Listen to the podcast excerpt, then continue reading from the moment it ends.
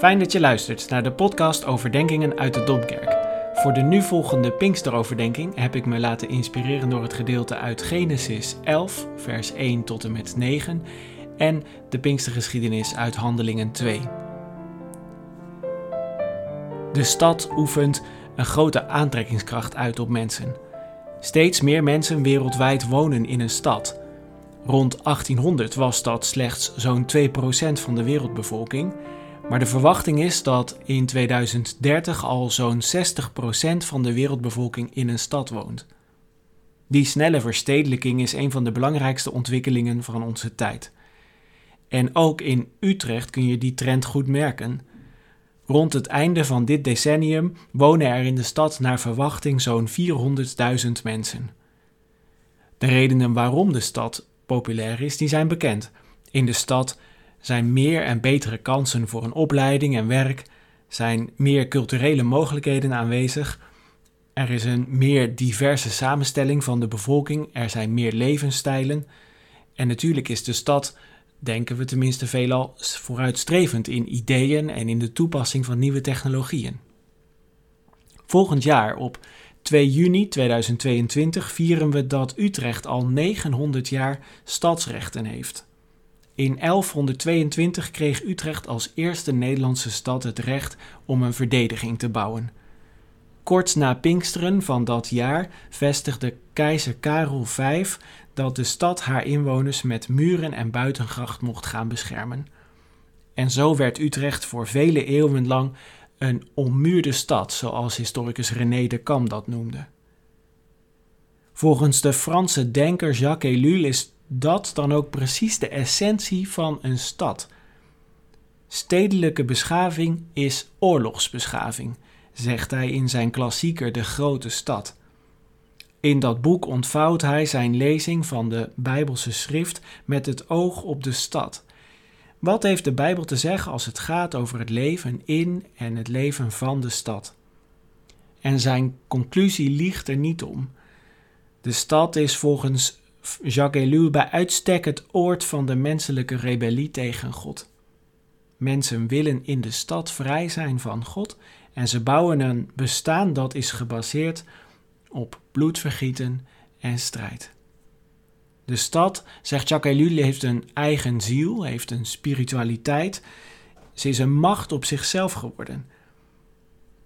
Wij vinden dat waarschijnlijk nogal een vergaande claim als we om ons heen kijken, in de stad Utrecht bijvoorbeeld, dan zien we dat weliswaar regelmatig geweld is, dat er misdaden voorkomen, maar voor het overgrote deel van de bewoners is de stad toch een veilige en plezierige plek om te wonen. Het zal ons waarschijnlijk wat ver gaan om te zeggen dat ons bestaan is gebouwd op uitbuiting en rebellie. Hoe kan een zo gerespecteerde denker als Jacques Ellul dan toch die conclusie trekken op basis van de schrift? De lezingen van deze Pinkstermorgen beginnen in zekere zin bij de mythische figuur Nimrod. In Genesis 10 wordt hij met nadruk aan ons voorgesteld als een geweldenaar, en dan nog wel om zo te zeggen als een gekwalificeerde moordenaar. Van hem wordt gezegd dat hij een geweldenaar in jagen is voor het aanschijn van de ene. Al dus de vertaling van de Naardense Bijbel. De nieuwe Bijbelvertaling maakt daarvan dat hij de eerste machthebber op aarde was en een geweldig jager. Nou klopt dat eerste wel, maar het tweede is toch wat te onschuldig geworden. De Britse koninklijke familie zijn ook machthebbers en ook geweldige jagers, maar dat is hier toch niet bedoeld. Jacques Ellul besteedt terecht wat aandacht aan de complexe vertaling van Nimrod en zijn karakter. En dan komt hij met een andere omschrijving. Nimrod was een veroverende geest van de macht voor het aangezicht van de eeuwige. Een veroveraar, een veroverende geest, een expansieveling, een geest van macht die zoekt naar uitbreiding en plundering. En dat dan specifiek voor het aangezicht van de eeuwige. Anders gezegd, een existentiële rebel. Een rebel die zich in zijn leven en werk probeert los te maken van God. En die rebellie geeft Nimrod vorm door het bouwen van steden. Hij streeft naar macht in en over de werkelijkheid. Hij wil los van God zijn, wil onafhankelijk leven. En dat doet hij ook met groot succes. Hij begint Babel te bouwen. En hij steekt met die grote stad een opgeheven vuist naar de hemel. Dat de stad Babel technologisch zeer vooruitstrevend is voor de tijd, dat blijkt wel uit de wijze waarop ze gebouwd wordt. In de platte vlakte van Sinear, daar waar een onheilspellend oord is van doodslag, zo klinkt dat in die naam mee, daar zijn geen rotsige stenen te vinden. Voor bouwmateriaal moet je dus inventief zijn. En dus kleien de mensen in de hete zon hun tegels en asfalt en ze bouwen een stad met een toren. In dat bouwen drukken ze uit wie ze zijn, wat ze hopen en wat ze willen bereiken, wat hun ambities zijn. En die verovering van de werkelijkheid, van het menselijke en het natuurlijke leven, die lijkt geen einde te hebben. Het gaat ze in alle opzichten voor de wind. Ze zijn eensgezind, ze zijn doeltreffend op weg om heer en meester over werkelijk alles te worden. Maar toch, ze zijn er niet gerust op. Ze zeggen tegen elkaar: Laten we ons een naam maken, anders worden we verstrooid over de aarde. En ze bedoelen dat ze zich onafhankelijk van God willen verklaren, dat ze God willen terugdringen achter de hemelse voordeur dat ze zelf de dienst in zijn schepping willen uitmaken. Het klinkt misschien als een verhaal, een mythe. Maar een mythe is geen voltooid verleden tijd. Mythes onthullen ons de diepere betekenis van de geschiedenis. Je ziet de waarheid van mythes iedere keer weer gebeuren, en wel in een extreme mate in onze tijd Hoewel steden maar een heel klein deel van de aarde uitmaken, beheersen ze toch vrijwel het gehele ecosysteem en ze putten het ook volledig uit. Grote steden, zoals ook Utrecht, hebben een enorme ecologische voetafdruk.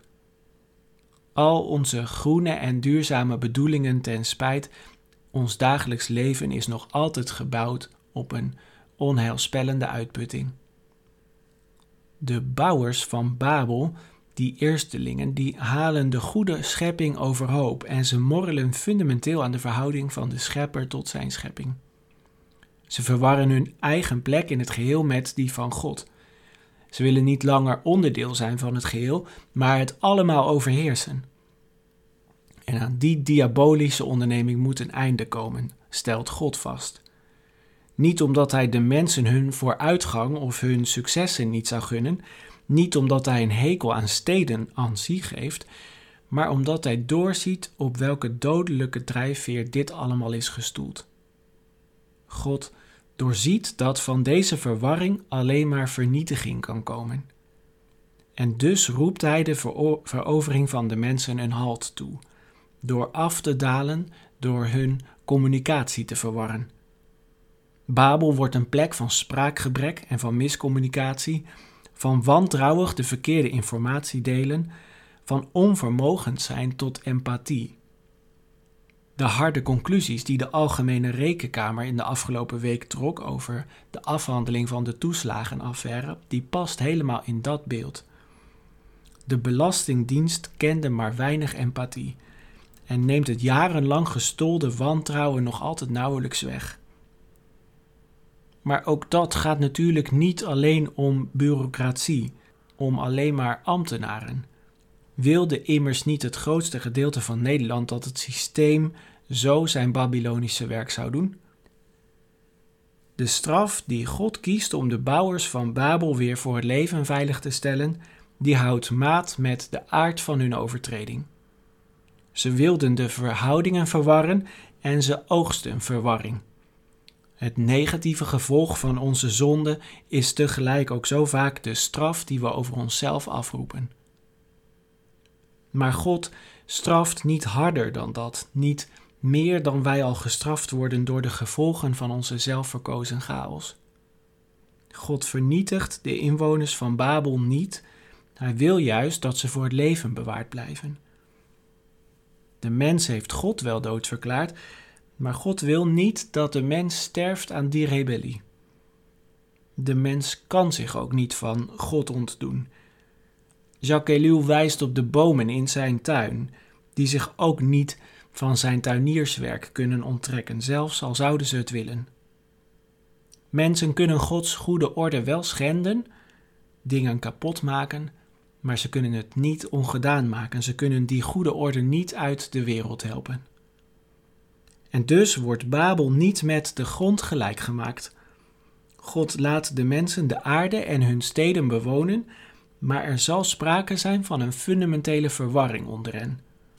Ze zijn niet langer in staat om één waarheid te vormen, zich één gedeeld begrip van de werkelijkheid eigen te maken. God belet ze dat, dat ze één waarheid vormen, zegt Jacques Ellul. Voortaan kunnen ze zichzelf alleen maar in halve en in omstreden waarheden kennen. Dat is waar het verhaal begint, maar het is niet waar het verhaal ook eindigt. Anders dan Nimrod en zijn toren van Babel laat het evangelie van Johannes zien hoe Jezus de weg naar boven gaat, naar die hoge hemel door zich te laten kruisigen. Zijn verheerlijking en verhoging bestaan niet uit verovering, maar uit ondergang. Nimrod en zijn stad Babel staan voor Gods aangezicht als een veroverende geest, een veroveraarsmacht. Jezus Christus staat voor God als een dienende en neergebogen gestalte van een slaaf. En dat maakt de wereld van verschil. Waar Nimrod en zijn stad een rijk van onwaarheid en van miscommunicatie in de wereld brengen, daar zendt Jezus Christus zijn geest van waarheid. De geest die met Pinksteren vaardig wordt over zijn leerlingen, om de stad met een geheel nieuw soort leven te vervullen. Jezus Christus reikt naar de hemel en de Vader daalt af, maar deze keer niet om mensen tegen zichzelf te beschermen, maar om ze voluit met het ware leven te vullen. De leerlingen worden verstaanbaar voor elkaar, begrijpelijk voor anderen. Er is sprake van communicatie, van communie, van gemeenschap. Er is sprake van één gedeelde en bevrijdende waarheid. En het einde van dat verhaal is niet dat er geen stad meer zal zijn, maar een stad die is vervuld door de levendmakende geest van God. Het boek Handelingen laat zien hoe alle energie van de Jezusbeweging zich richting Rome voltrekt, de erfgenaam van het oude Babel. Daar eindigt het verhaal, in de stad waar mensen hun rebellie voltrekken, maar waar God niet wil dat zo het laatste woord is gezegd.